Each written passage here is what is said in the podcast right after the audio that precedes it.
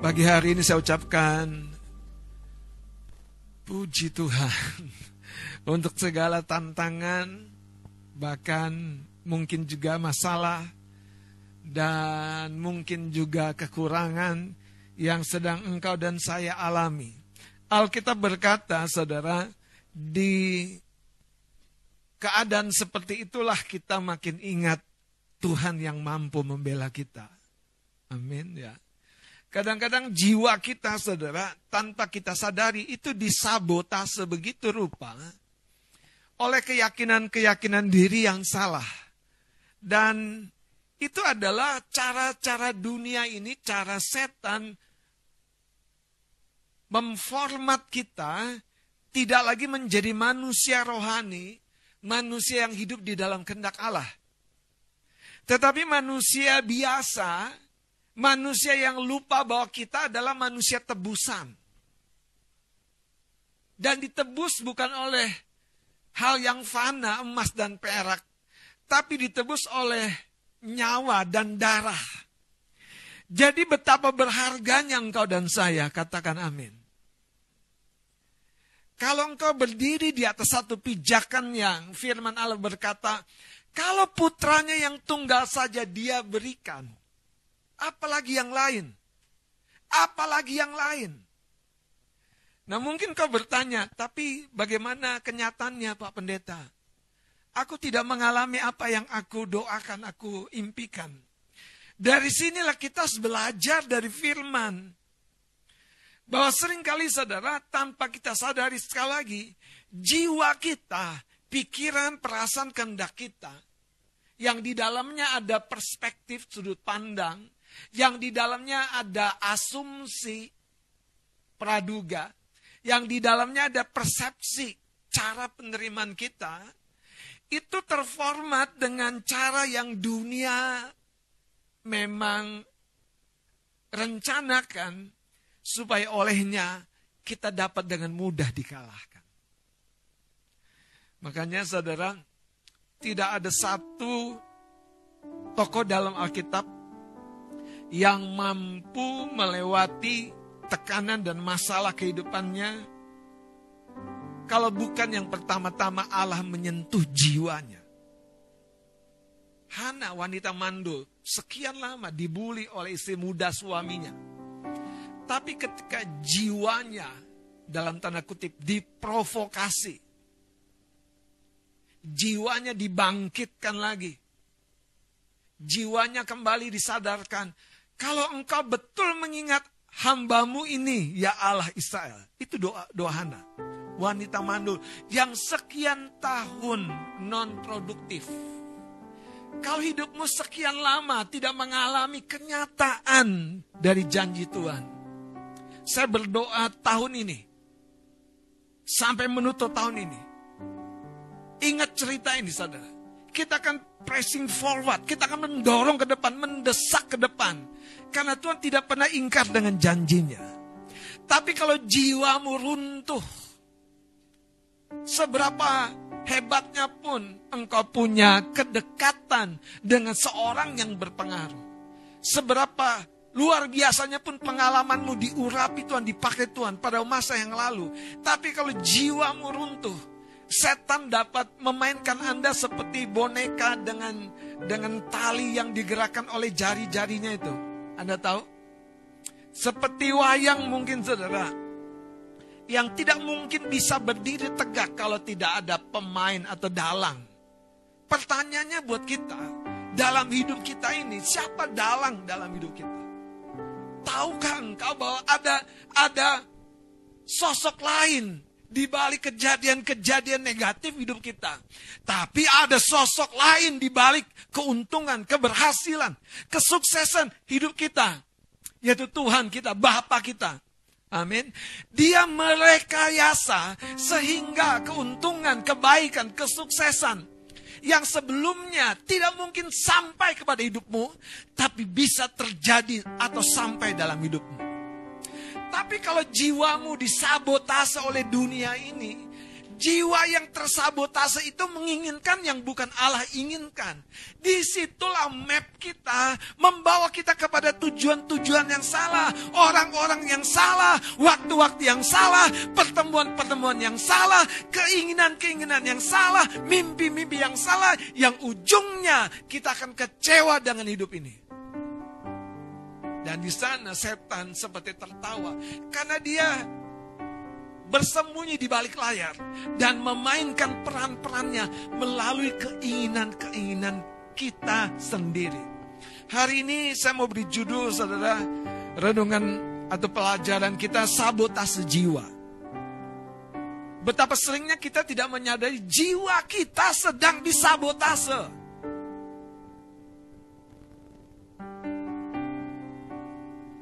Kalau Anda lihat langit mendung, apa yang mungkin muncul di hati Anda? Hujan. Kenapa Anda gak bilang seperti seorang petani, puji Tuhan datang berkat.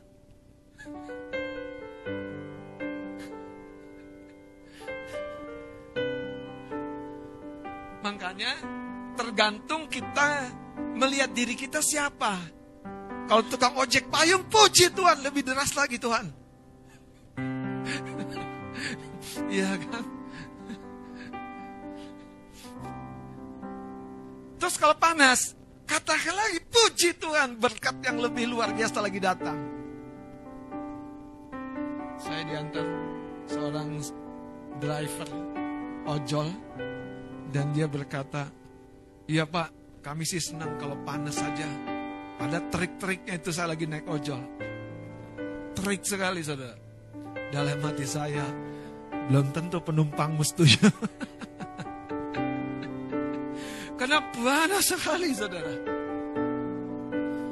Hari ini bagaimana jiwa kita itu seperti seperti apa namanya? Uh, kalau Anda seorang driver, tapi di samping Anda kalau kalau kalau pem, kalau balapan itu kan ada ya, ada namanya apa? Asisten asisten. Kopilot. Kalau kalau di balap mobil apa namanya? Navigator. Nah navigator itu yang lebih menentukan ke mana jalannya mobil itu. Si driver cuma apa? Ngegas, ngerem, snelling, ya kan? Tapi yang menentukan navigator yang punya peta. Masalahnya kalau navigatornya lagi tidak concern, navigatornya lagi ngelamun, nah navigatormu itu jiwamu. Tubuhmu itu mobilnya. Makanya jiwamu itu mengarahkan ke mana. Sekalipun kau dengar firman, tapi kalau jiwamu belum pulih, belum sembuh, masih ada luka. Lihat senyum orang kita mau tonjok dia. Lu pasti ngenyain gua kan? Ya kan? Tapi aneh, lihat orang muka memelas. Kita malah jatuh belas kasihan kita kan. Ada orang lihat muka memelas, wih males. Makanya bagaimana jiwa kita Saudara Yesus tidak menjadi pribadi yang lain ketika dia memikul salib atau ketika dia naik sebuah keledai dan ada banyak orang berkata Hosana, Hosana, terpujilah nama Tuhan. Dia dilulukan. Dia tidak jadi pribadi yang lain. Pertanyaannya buat kita, kita jadi pribadi yang lain gak saat tanggal tua? Sensi, muka pucat, Hah? terus jadi pribadi yang lain lagi kalau tanggal muda. Ya manusia begitu ya, itu manusia yang mana saudara, haleluya. Engkau dan saya berbeda, katakan tepuk bawah kanan kiri engkau dan saya berbeda. Nabi Habakuk berkata, sekalipun kambing domba terhalau dari kurungan, sekalipun zaitun tidak menghasilkan buah, namun aku tetap beria-ria di dalam Tuhan.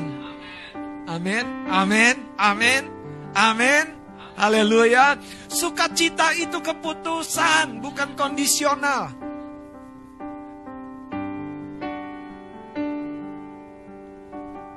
Orang yang bersuka cita sales-sales yang bersuka cita itu gampang dapat pelanggan. Tapi kalau sales-sales yang wajahnya aja ditekuk terus, pelanggan malas lepas. Katakan haleluya. Katakan jiwaku terjagai dengan aman. Kita akan belajar sabotase jiwa. 2 Korintus 4 ayat 3 sampai 4 mari kita akan lihat. Haleluya. Sudah? 2 Korintus 4 ayat 3 dan 4 saya akan baca. Jika Injil yang kami beritakan masih tertutup juga, sekali lagi dengar. Jika Injil yang kami beritakan yang sudah diajarkan begitu rupa masih tertutup juga atau tidak terpahami, maka ia tertutup untuk mereka. Siapa mereka? Baca sama-sama. Yang akan binasa yaitu tidak percaya yang Jadi apa yang membuat orang-orang tidak percaya kepada berita Injil? Injil itu kabar baik. Injil itu pemberian cuma-cuma. Kamu diselamatkan karena percaya Yesus. Kamu disembuhkan karena percaya Yesus. Masa depanmu dibalik, diubah Tuhan karena percaya Yesus.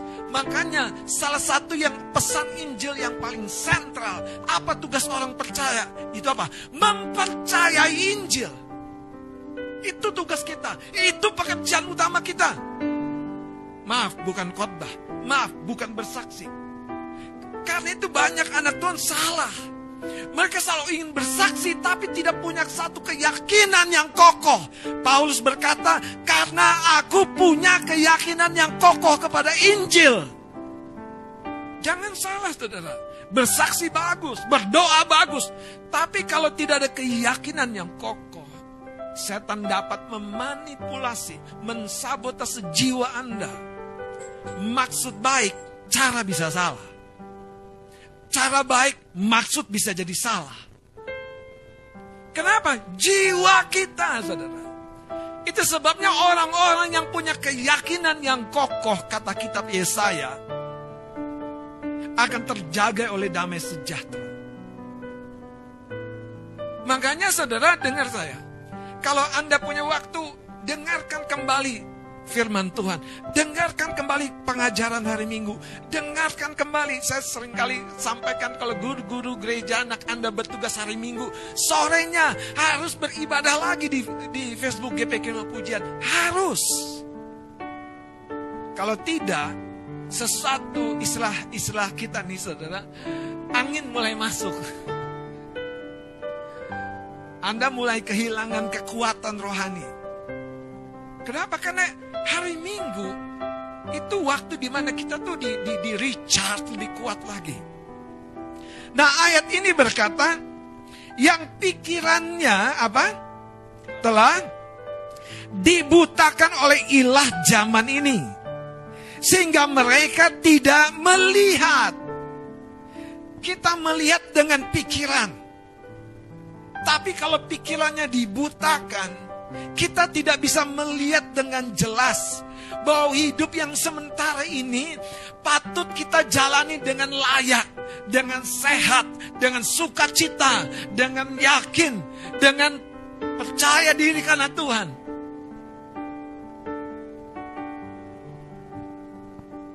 Itu sebabnya ada cahaya Injil kata ayat ini tentang kemuliaan Kristus yang adalah gambaran Allah.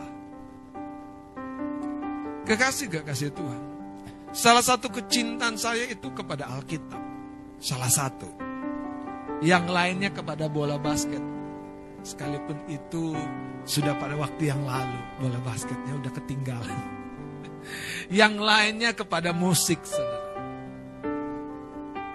Tapi kecintaan-kecintaan saya yang lain itu tidak mengalahkan kepada kecintaan saya kepada Alkitab. Kalau boleh saya katakan, tidak tidak mudah memahami apa yang saya baca, tapi saya terus baca. Kadang tidak mengerti juga yang saya baca, tapi saya terus baca. Tahukah Bapak Ibu? Di situlah saudara sebetulnya yang sedang Tuhan bangun itu bukan hanya sekedar pengertiannya, tapi di tekadnya. kesungguhan hati. Yang kadang-kadang Anda harus tanpa kompromi. Dahulukan firman. Saya suka dengar lagu-lagu instrumen, saya suka dengar berbagai musik. Tapi kalau namanya GP Kema Pujian di, di Spotify, saya tidak lalai dengar lagi. Kadang-kadang saya bilang, Tuhan kenapa saya bisa khotbah seperti itu ya? Saya dengar khotbah saya sendiri. Saya diinspirasi oleh khotbah saya sendiri. Seperti dengar seorang lagi berkhotbah begitu semangat kepada saya. Padahal itu saya sendiri. Tahukah Bapak Ibu? Jiwa kita ini, saudara, itu tadi itu apa? E, pengarah arahnya. Jadi penentu, penentu bagaimana driver itu belok kanan atau belok kiri, belok kanan atau belok kiri. Hari gini, kalau Anda nggak pakai map, kami kadang-kadang pulang dari ibadah nih. Cuma untuk ke sekretariat. Yang normalnya mungkin setengah jam. Tapi kalau tidak pakai map, pakai kebiasaan kami, oh, pasti terjebak macet. Makanya hari gini, tidak doa pagi. Hari gini, sementara musibah, tantangan, sakit penyakit sedang bertebaran di mana-mana. Anda tidak hidup di dalam Tuhan. Hari gini, sementara setan lagi coba meng, apa menggoncang jiwa kita dengan berbagai hal. Hari gini kita tidak terus makan firman Tuhan. Jiwa kita akan tersabotase dengan mudah. Mari kita lihat satu cerita di dalam Alkitab yang kiranya akan mengingatkan kita betapa pentingnya menjaga jiwa kita. Haleluya. Hakim-hakim pasal 16. Hakim-hakim pasal 16 ayat 19. Mulai kita akan baca, kita akan baca. Hakim-Hakim pasal 16 ayat 19 mulai kita baca bersama 2 3. Sesudah itu dibujuknya Simpson tidur di pangkuannya. Lalu dipanggilnya seorang dan disuruhnya mencukur ketujuh rambut jalinnya. Sehingga mulailah Simpson ditundukkan oleh perempuan itu sebab kekuatannya telah lenyap daripadanya. Lalu berserulah perempuan itu terus, Orang Filistin menyergap engkau Simpson, maka terjagalah ia dari tidurnya serta katanya, seperti yang sudah-sudah aku akan bebas dan meronta lepas, tetapi tidaklah diketahuinya bahwa Tuhan telah meninggalkan dia. Sampai di situ. Coba kalimat terakhir ayat 20, tetapi tidaklah diketahuinya bahwa Tuhan telah apa? Jadi jiwanya Simpson itu bereaksi sama. Aku akan berontak lepas. Betul ya? Aku akan kalahkan orang Filistin. Tapi tidak diketahuinya bahwa Tuhan telah meninggalkan dia.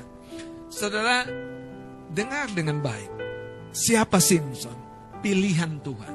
Siapa Simpson? Diurapi Tuhan. Siapa Simpson? Nazir Tuhan, hamba Tuhan, orang khususnya Tuhan. Tapi bicara, bicara keputusan. Tuhan tidak mengkontrol kita seperti dia mengkontrol atau kita mengkontrol robot. Pijit tombol kanan, kita ke kanan. Jiwa kita yang menentukan. Jiwa kita menentukan. Dulu dalam sebuah perenungan saya merenung kenapa ya ada ada orang-orang yang tiba-tiba jadi seorang bapak yang tidak sayang kepada keluarganya. Ternyata usut punya usut. Dia dibesarkan di tengah keluarga yang minim kasih sayang. Bahkan saudara, mengalami berbagai kekerasan di keluarga dan itu meninggalkan jejak-jejak di jiwanya. Itu sebabnya hari ini saudara, kenapa firman Tuhan berkata gini, berubahlah oleh pembaharuan. Jadi jangan rubah dulu perilaku Anda. Dengerin saya. Karena kalau Anda cuma rubah perilaku Anda, Anda sedang main acting. Betul kan?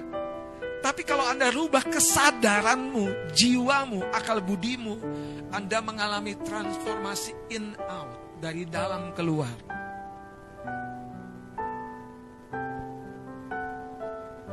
Siapa yang sudah 50 tahun ke atas di sini? Selain Bang Billy, siapa? Lu masih jauh om. Siapa di sini yang 50 tahun ke atas? Hah? Puji Tuhan. Gimana? Kalau makanan di meja, mana yang yang yang utama buat Anda? Sayur, nasi, protein, daging, tempe. Gimana Kailan? Dikasih apa Bang Mau ya? Tergantung adanya, Bang. Saudara, saya 30 tahun ke bawah, itu jangankan di meja makan, di kulkas aja saya tidak biarkan tersisa. Di kulkas saya tidak biarkan tersisa. Oh, gimana? Betul kan? Ya jawabannya. Saya tidak biarkan. Saya bilang sayang sekali sayur, sayang sekali daging. Saya dengan abang saya, Bang Jimmy beda kelas. Kalau Bang Jimmy kelas perhotelan harus hangat harus panas. Kalau saya nggak tahu kelas mana, dingin-dingin pun, masih berembun pun, itu bisa masuk perut saya. Makanya kami dapat pasangan yang berbeda.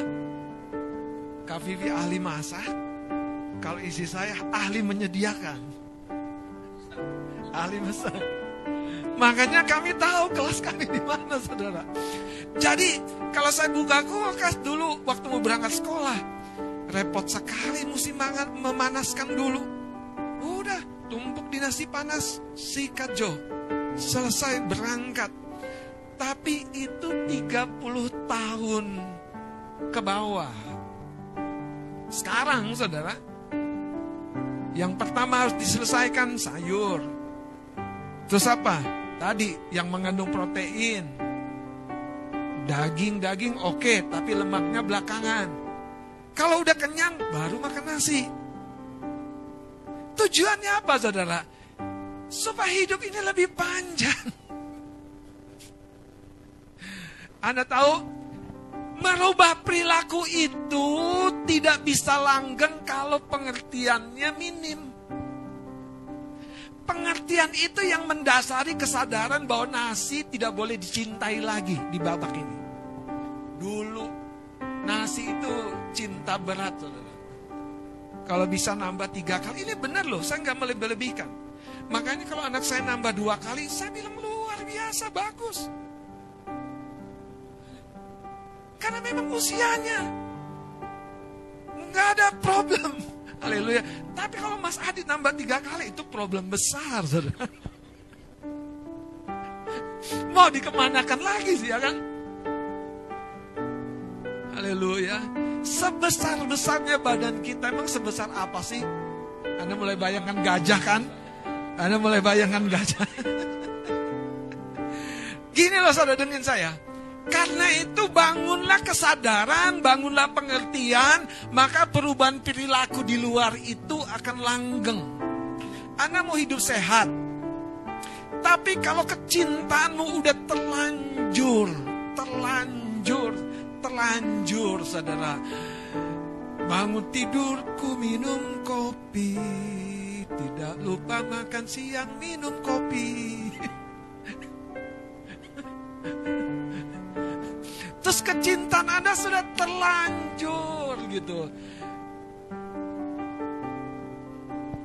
Istri gak mampu lagi ngomelin kita begadang Apalagi tetangga, apalagi ibu mertua nggak mampu lagi. Terus habit yang buruk itu ujungnya apa? Rumah sakit lah. Minimal puskesmas ya kan? Ke satu. Poinnya apa? Dengerin saya. Jiwa kita ini disabotase oleh sesuatu yang membuat kualitas hidup kita makin merosot. Ada Rai ditanya, apa rahasianya awet muda? 52 tahun dia. Tapi begitu bugar, sehat, charming. Dia tanya, dia bilang begini, sebetulnya ya kalau boleh jujur, saya ini bukan awet muda, mungkin saya yang normal. Usia usia 52 harusnya begini. Tapi kenapa? Karena banyak orang sudah begitu merosot memasuki jenjang 50 tahun, lu awet muda, padahal 52 tahun harusnya begitu, saudara. Masih terpelihara dengan baik. Amin. Haleluya. Bagaimana Abraham melihat Sarah? Kami mau punya anak, jiwanya bereaksi dong. Bagi Tuhan tidak ada yang tidak mungkin. Makanya sekali jiwamu mengalami kebangkitan, wah, setan gak punya celah. Tubuhmu boleh sakit seperti wanita 12 tahun. Tapi kalau jiwamu meronta, aku pasti sembuh. Aku pasti sembuh. Aku pasti pulih. Aku pasti sembuh, saudara. Jalanmu terbuka di dalam Tuhan. Pertanyaannya buat kita, jiwa kita seperti apa hari ini? Apakah kita tetap tinggal di dalam bahtera Nuh yang takut dengan air 40 hari 40 malam mengguyur? Wah kacau begitu rupa. Apakah engkau punya satu cahaya pengharapan yang baru? Jiwa kita masalahnya. Mari kita lihat dalam cerita ini saudara. Mari kita lihat dalam cerita ini. Lalu berserulah perempuan itu, ayat 20, orang Filistin menyergap engkau Simpson, maka terjagalah ia dari tidurnya. Serta katanya, seperti yang sudah-sudah, aku akan bebas dan akan meronta lepas. Tetapi tidaklah diketahuinya bahwa Tuhan telah meninggalkan dia. Saudara berhentilah sejenak. Apakah Tuhan? Ya. Dan amin sedang terus menyertai kita, atau dia sedang mundur, dia sedang tertinggal di belakang. Sebetulnya bukan dia yang meninggalkan kita, tapi sering kali kita yang meninggalkan dia tanpa kita sadari. Ayat 21. Orang Filistin itu menangkap dia, mencungkil matanya. Saya waktu baca ini, saudara, Rotuan bicara begini.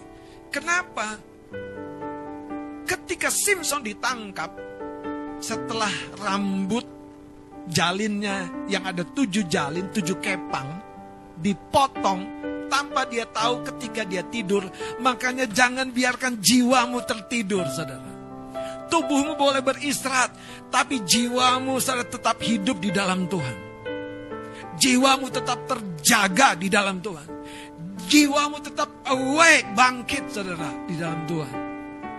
Ya engkau hari ini mungkin dalam keadaan kondisi kesehatan yang terkapar. Tetapi ketika jiwamu bangkit, jiwamu yang bangkit itu akan mengirim instrumen. Setiap enzim yang berguna untuk memulihkan tubuhmu bekerja. Bekerja. Bekerja. Dan di sana, saudara keajaiban selalu dan pasti terjadi. Orang Filistin menangkap Simpson dan pencungkil kedua matanya. Saudara, mata ini bicara bukan sekedar penglihatan.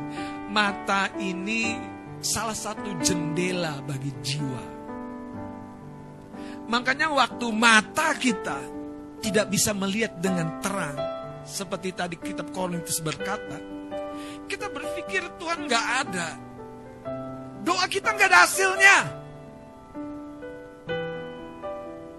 Kita berpikir Tuhan tidak peduli dengan pergumulan kita. Hidup kita tidak menjadi lebih baik. Tapi hari ini saudara, waspada. Karena setan berusaha membutakan, bahkan mencungkil mata orang-orang percaya. Mata apa? Mata rohaninya. Sehingga mereka tidak melihat bahwa hidup kita yang akan mengalami transformasi itu karena janji Tuhan yang kita percayai. Dan ketika kita percaya, kita akan mengeluarkan satu gelora dalam jiwa kita untuk mendorong tubuh ini yang adalah tadi seperti kendaraan. melalui navigasi firman mengalami semua yang Tuhan rencanakan di tahun ini yang terbaik.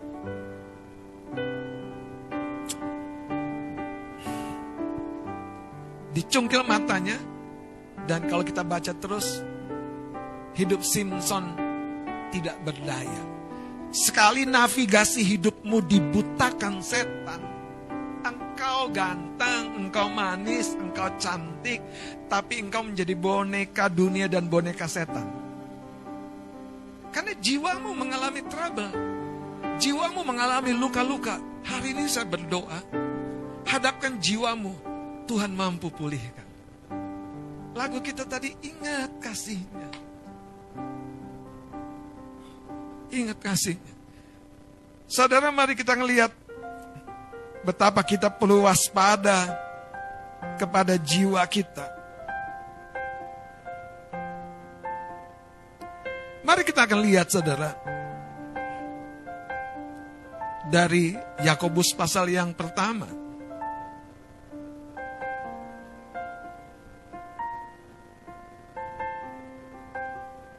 Yakobus pasal yang pertama Mari kita ngeliat.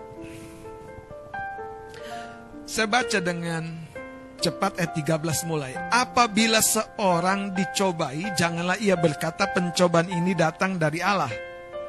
Betul? Jadi, tidak ada pencobaan yang datang dari Tuhan. Mau sakit penyakit, mau kebangkrutan, penipuan, tidak ada. Tuhan tidak pernah dan tidak mungkin mencobai. Lantas aku ngalami dari mana? Nah, kita baca. Makanya jiwa kita itu adalah tolok ukur. Kalau jiwa kita mulai dalam tanda kutip seperti lilin meleleh. Terkena panas.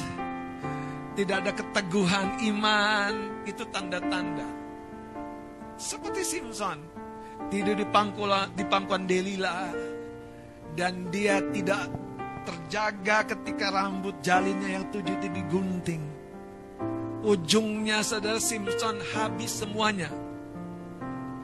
Sekali lagi saudara, Simpson tuh orang pilihannya Tuhan. Saya pernah doa gini, Tuhan kenapa engkau tidak lakukan ini kepada aku? Seperti komplain saya sama Tuhan.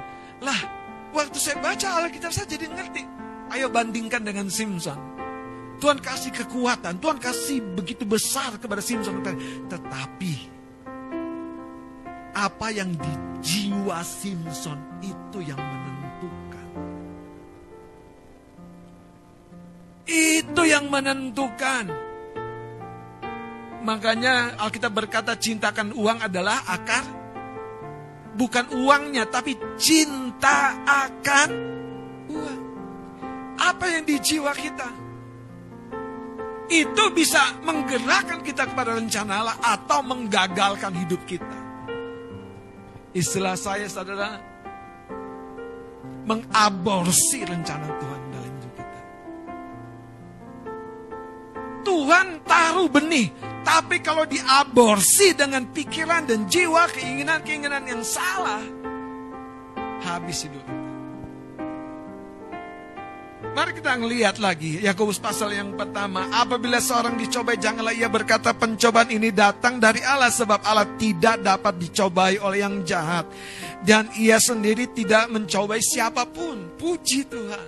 Kita langsung tahu tidak ada pencobaan datang dari Tuhan. Baca sama-sama selanjutnya ayat 14 2 3. Tetapi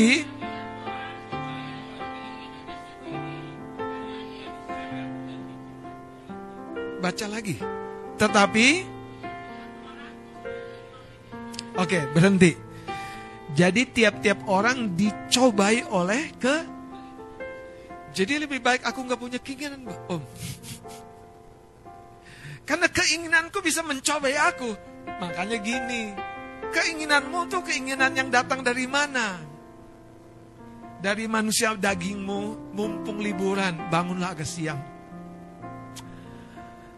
mumpung.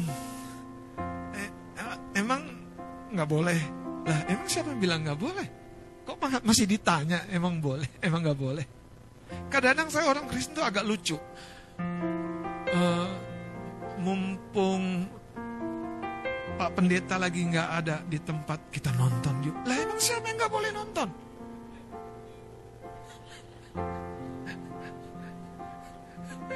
Kadang-kadang suka apa memproduksi pikiran-pikiran yang aneh itu dari mana sih?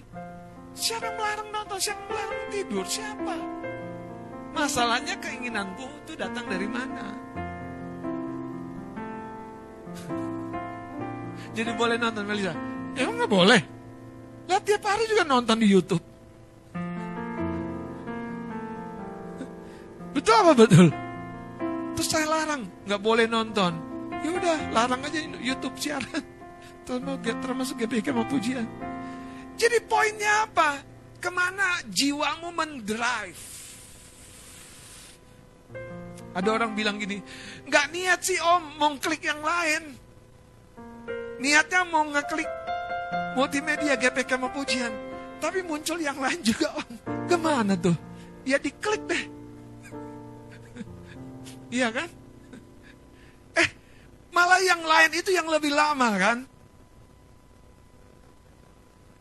Kok kayaknya nggak tahu yang saya omongin ya? Apalagi kalau video-video pendek itu kan. Wah, mata tuh jadi berbinar loh.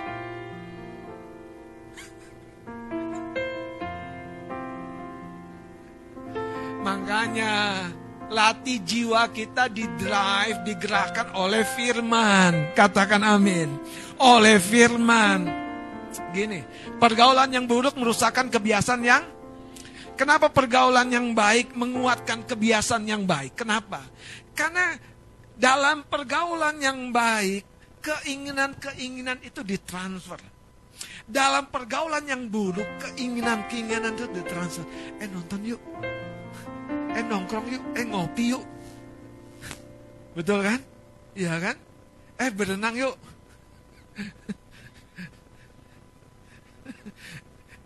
eh ke ruang doa yuk. Waduh, luar biasa betul kan? eh, ketemu sama Om Pendeta yuk. Wih, asik sekali itu kan. Iya, Billy sekali. Iya kan? Keinginan-keinginan yang baik itu ditransfer. Tahu nggak? Pikiran-pikiran itu gelombang.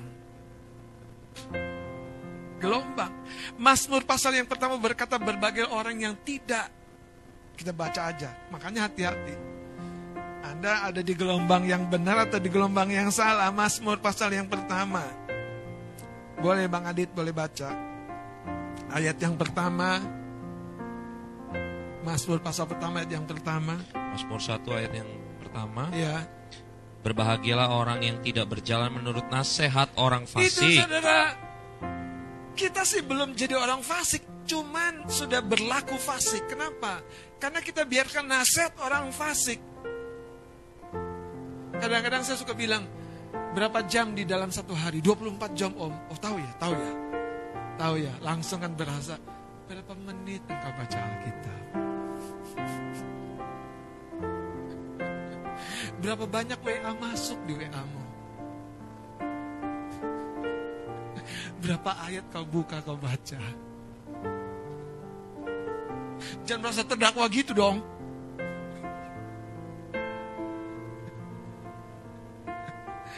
Makanya habit itu tadi saya cerita ya, usia-usia tertentu. Kita serombak dengan dasar pengertian firman. Habit kita, habit kebiasaan kita. Rombak, kalau tidak dirombak, kita pasti menuai. Dan kalau Anda sudah menuai, ya lihat, wong banyak sana benihnya Anda tanam.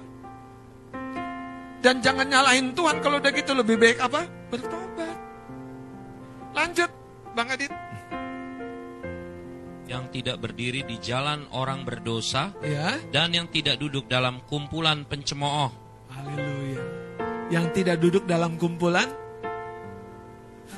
Coba kalau saya ngomong begini, ah itu kan kata om saja. Aku masih muda kok.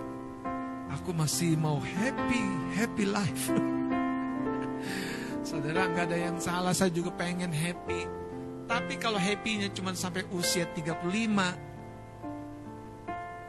Malaikat maut sudah ngintip.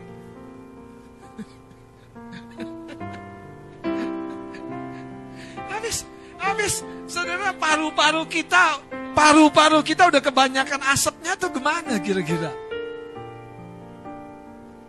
Jadi malaikat maut memang mengintip saudara, mengintip.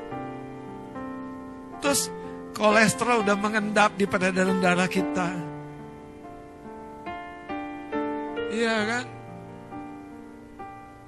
Kalau makan B2 itu yang paling enak yang apa? Yang lemak-lemaknya kan? Iya, kencang lagi ianya. Saudara, saya sampaikan hal-hal yang simpel ini supaya sadar bahwa perilaku kita itu di jiwa. Nah, sabotasenya di jiwa. Kemiskinanmu itu di jiwa. Kemurahan hati, kekayaanmu itu di jiwa. Makanya kitab satu Yohanes berkata,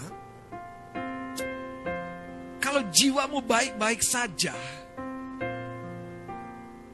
prosper, sukses, limpah, sama tubuhmu tuh akan mengekspresikan semua yang di jiwa.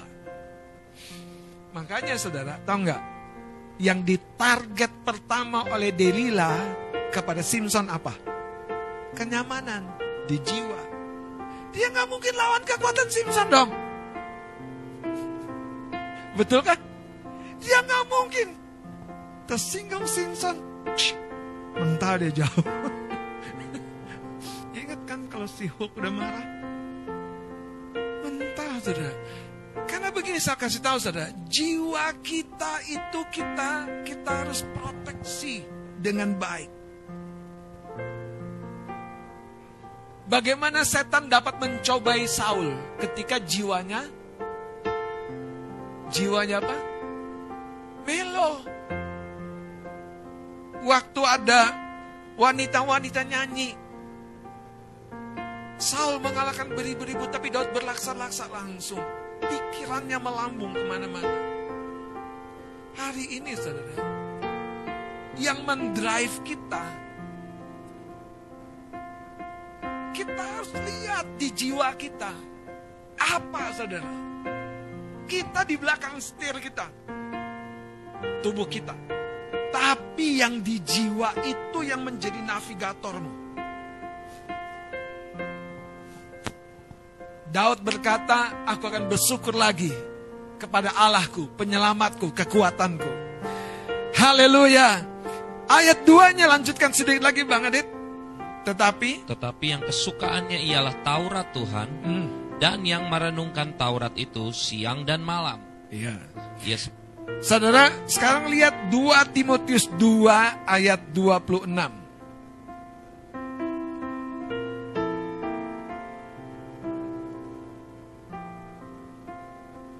Dua Timotius 2 ayat 26. Bang Adit boleh baca. 2 Timotius 2 ayat 26 dan dengan demikian mereka menjadi sadar kembali Ya. karena terlepas dari jerat iblis yang telah mengikat mereka pada kehendaknya. Jadi sekalipun setan itu roh, iblis itu roh, tapi ikatannya terjadi di jiwa. Di jiwa. Di jiwa. Makanya waktu kita bikin perjanjian dengan Tuhan, itu di jiwa kita, soul kita kepada Tuhan.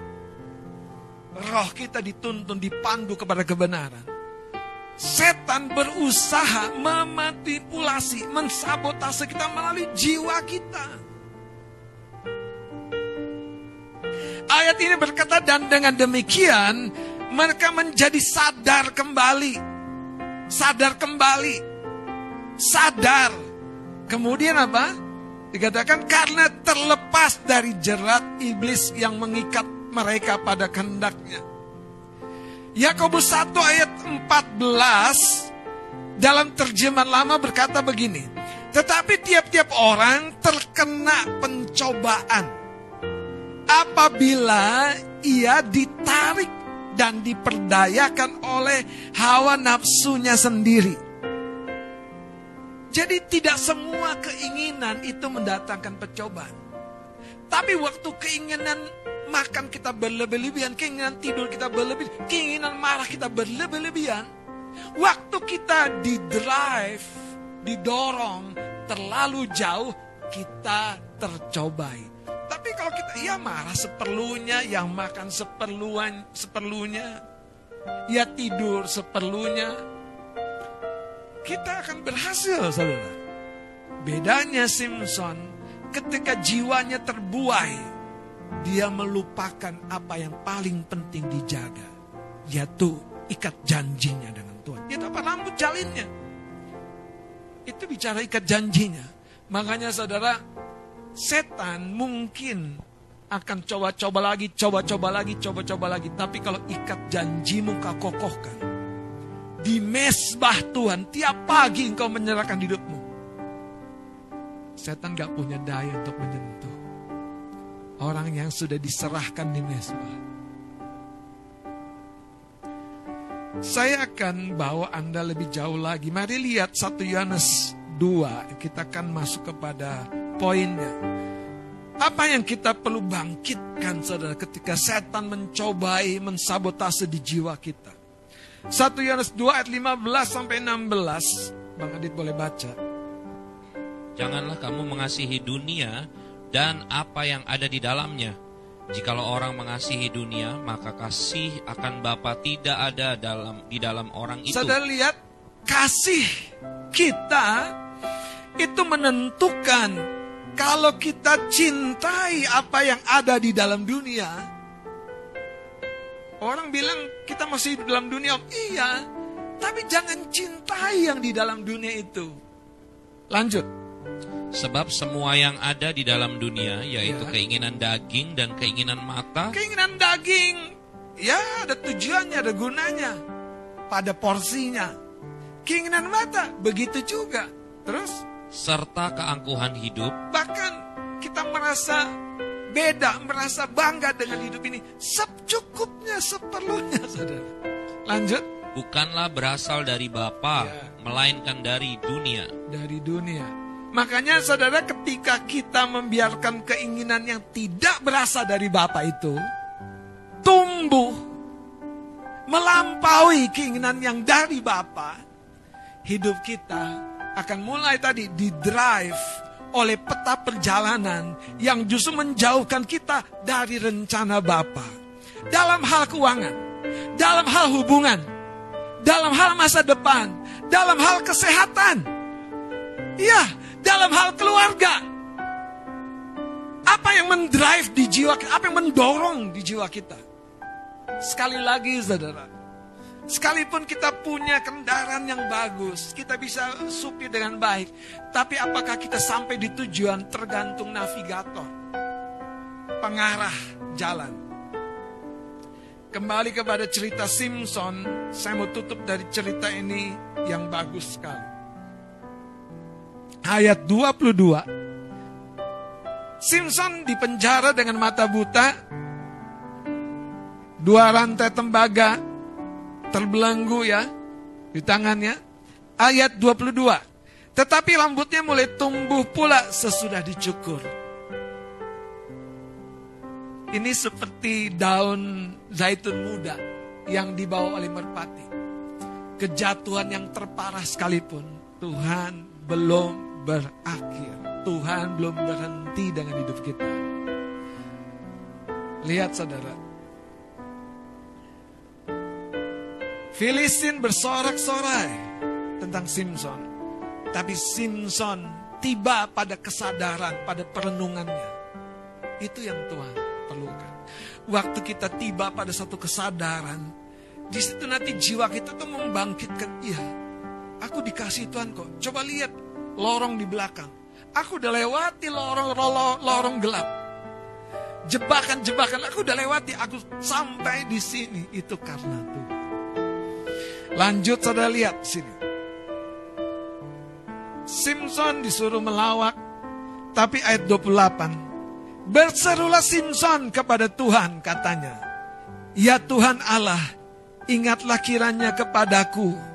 Dan buatlah aku kuat sekali ini saja. Ya Allah, supaya dengan satu pembalasan juga kubalaskan kedua mataku itu kepada orang Filistin. Saudara lihat, Ya Allah, ingatlah kiranya kepadaku. Jadi, yang bangkit pertama-tama di dalam Simpson itu bukan kekuatannya. tapi jiwanya, kesadarannya. Pertanyaan saya buat hari ini, apakah jiwamu masih terlena? Atau jiwamu sedang mengejar, mendesak ke depan? Tuhan masih punya rencana yang besar. Atau engkau sedang termangu-mangu? Sekali lagi saudara, kita bisa mendorong tubuh kita. Tapi kalau pengertian di dalam jiwa kita terlalu minim, kita akan mudah dikalahkan. Kelemahan Simpson bukan di urapannya. Kelemahan Simpson bukan di pekerjaan roh Tuhannya. Tapi kelemahan Simpson di dalam cetakan jiwanya. Jiwanya merespon dengan lain. Hari ini, Jangan biarkan kemenanganmu menjadi kekalahan.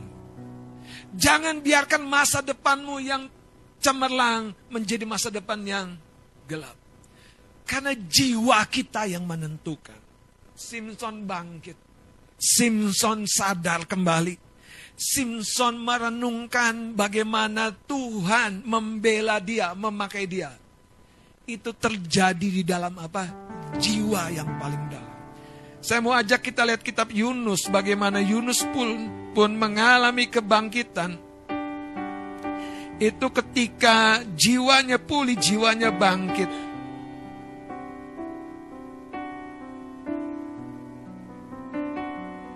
Yunus pasal yang kedua.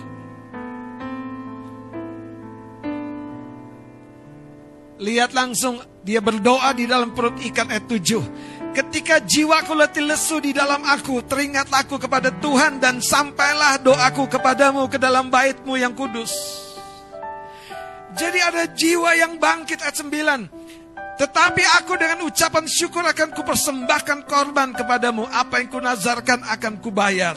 Keselamatan adalah dari Tuhan. Ayat 10 keajaiban terjadi Waktu jiwanya bertobat, jiwanya bangkit, jiwanya pulih, keajaiban terjadi. Katakan amin. Lalu berfirmanlah Tuhan kepada ikan itu dan ikan itu pun apa? Memuntahkan Yunus ke mana?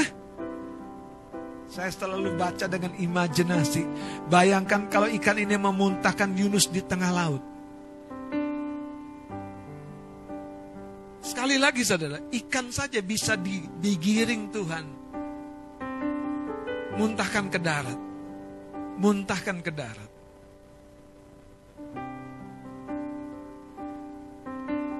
Masa liburan kemarin, kami sempat jalan-jalan ke satu tempat, ke satu pulau.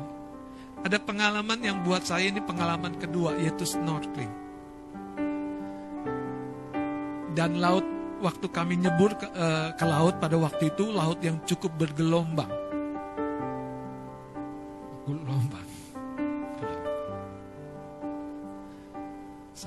Bersama dengan eyangnya Al, dengan Bang Adit, dengan keluarga, nyebur ke laut. Bang Adit nggak bisa berenang, tapi mau mau tunjukkan.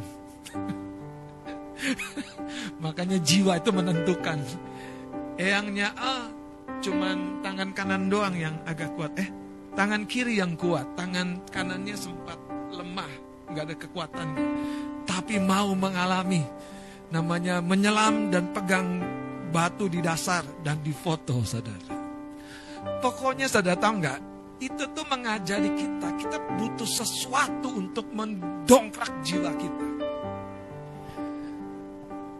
Kalau Samuel tahu sendiri, dia udah nggak perlu ada yang khawatirkan. dia udah melintas laut di sekeliling kami. Udah aman lah itu. Karena ada dosennya Papi Jimmy, dosen renangnya kan. Saya nyebur saudara. Udah nyelam melihat lihat ke dalam laut, lihat ikan-ikan, lihat keindahan laut. Yang terakhir momennya adalah foto di dalam air. Lepas ininya, tahan napas, nyebur ke laut, berapa detik di foto. Ceritanya adalah di situ kita harus lepas pelampung laut gini-gini kan saudara gini-gini. Yang diserang tuh sebetulnya oleh gelombang bukan tubuh tapi jiwa. Langsung khawatir. Khawatir. Ya tubuh saya memang tapi tetap aman. Wong pemandu renang kami ada dekat. Makanya kalau ada Anda dekat dengan Yesus, tapi jiwamu retak, bah. Nggak heran. Babak terus, babak belur terus dalam keuangan, dalam hubungan. Babak belur itu di jiwamu mulainya retak. Padahal Yesusmu begitu dekat, dia udah berkorban, dia udah siaga. Dia bukan masih disalib. Dia sudah menang. Haleluya. Dia sudah bangkit. Nah, pemandu renang kami sedang ngajarin. Pakai pakai maskernya begini, pakai alatnya begini. Nanti waktu turun menyelam, saya akan tarik. Waduh. Di pikiran kita masalah sebagian besar. Saya dampingi eyangnya Al. Waduh, laut goyang-goyang. Gitu kan. Pelampung dilepas supaya bisa nyelam. Kalau pakai pelampung nggak bisa nyelam. Ya kan. Dan ceritanya jadi seru. Kenapa? Karena itu tantangan buat kita yang punya kelemahan dua di tubuh dan di jiwa. Puji Tuhan kalau tubuh masih lebih oke kayak Bang Adit, kaki agak panjang. Ya kan? Tapi dia nggak bisa berenang. Pokoknya dia taklukkan dengan kaki panjangnya itu. dia jejaki itu saudara batu karang. Berhasil difoto. Waktu Eyang itu kan, waduh, saya deketnya. Dan ada sama Samuel. Cerita ini mengingatkan saya betapa jiwa itu paling menentukan, saudara. Anda punya gaji 5 juta masih murah hati bisa nabung. Waduh, waduh. Orang lihat, lu kok kaya banget? Iya, lu nggak tahu kan? Padahal gue cuma 5 juta sebulan. Tapi ada orang 10 juta kembang kempis. Karena jiwanya, saudara, jiwanya.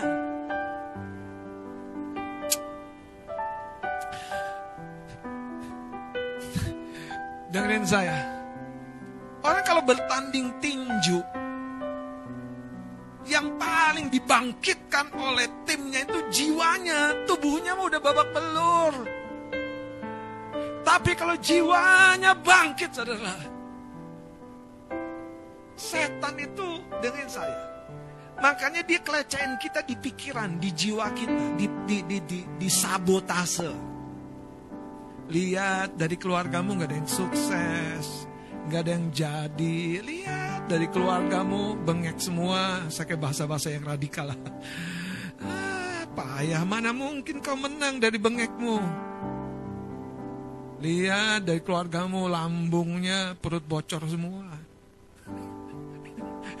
Habis semua gas di situ, semua kandungan-kandungan berat di situ, saudara. Saya mau kasih tahu, saudara. Dengerin saya. Ada orang berkata begini.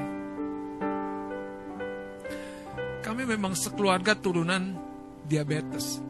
Ternyata, saudara, gula itu diturunkan bukan spiritnya, tapi perilakunya. Perilaku itu terbentuk karena apa? Jiwanya. Makanya waktu di break dipindahin kepada keluarga yang berbeda. Air putih, teh tawar, air putih, teh tawar, air putih, teh tawar. Tiba-tiba bisa tuh. Kalau Anda ada di keluarga yang baru ini izinkan jiwamu tuh termodifikasi. Engkau jadi engkau yang baru, engkau jadi orang yang baru, engkau menerima sebuah sifat yang baru dari Tuhan Yesus Kristus. Setan tidak lagi berkuasa. Terutama ketika jiwamu ditopang oleh firman. Makanya saudara, ketika masa yang paling kritis di babak terakhir Simpson pulih jiwanya. Dia ingat betapa panggilan hidupnya jadi seorang pahlawan. Dia bangkit, dia berdoa dan Tuhan karuniakan kemenangan yang besar sekali. Saya berdoa, sekalipun engkau punya waktu yang singkat, jangan biarkan jiwamu menjelma.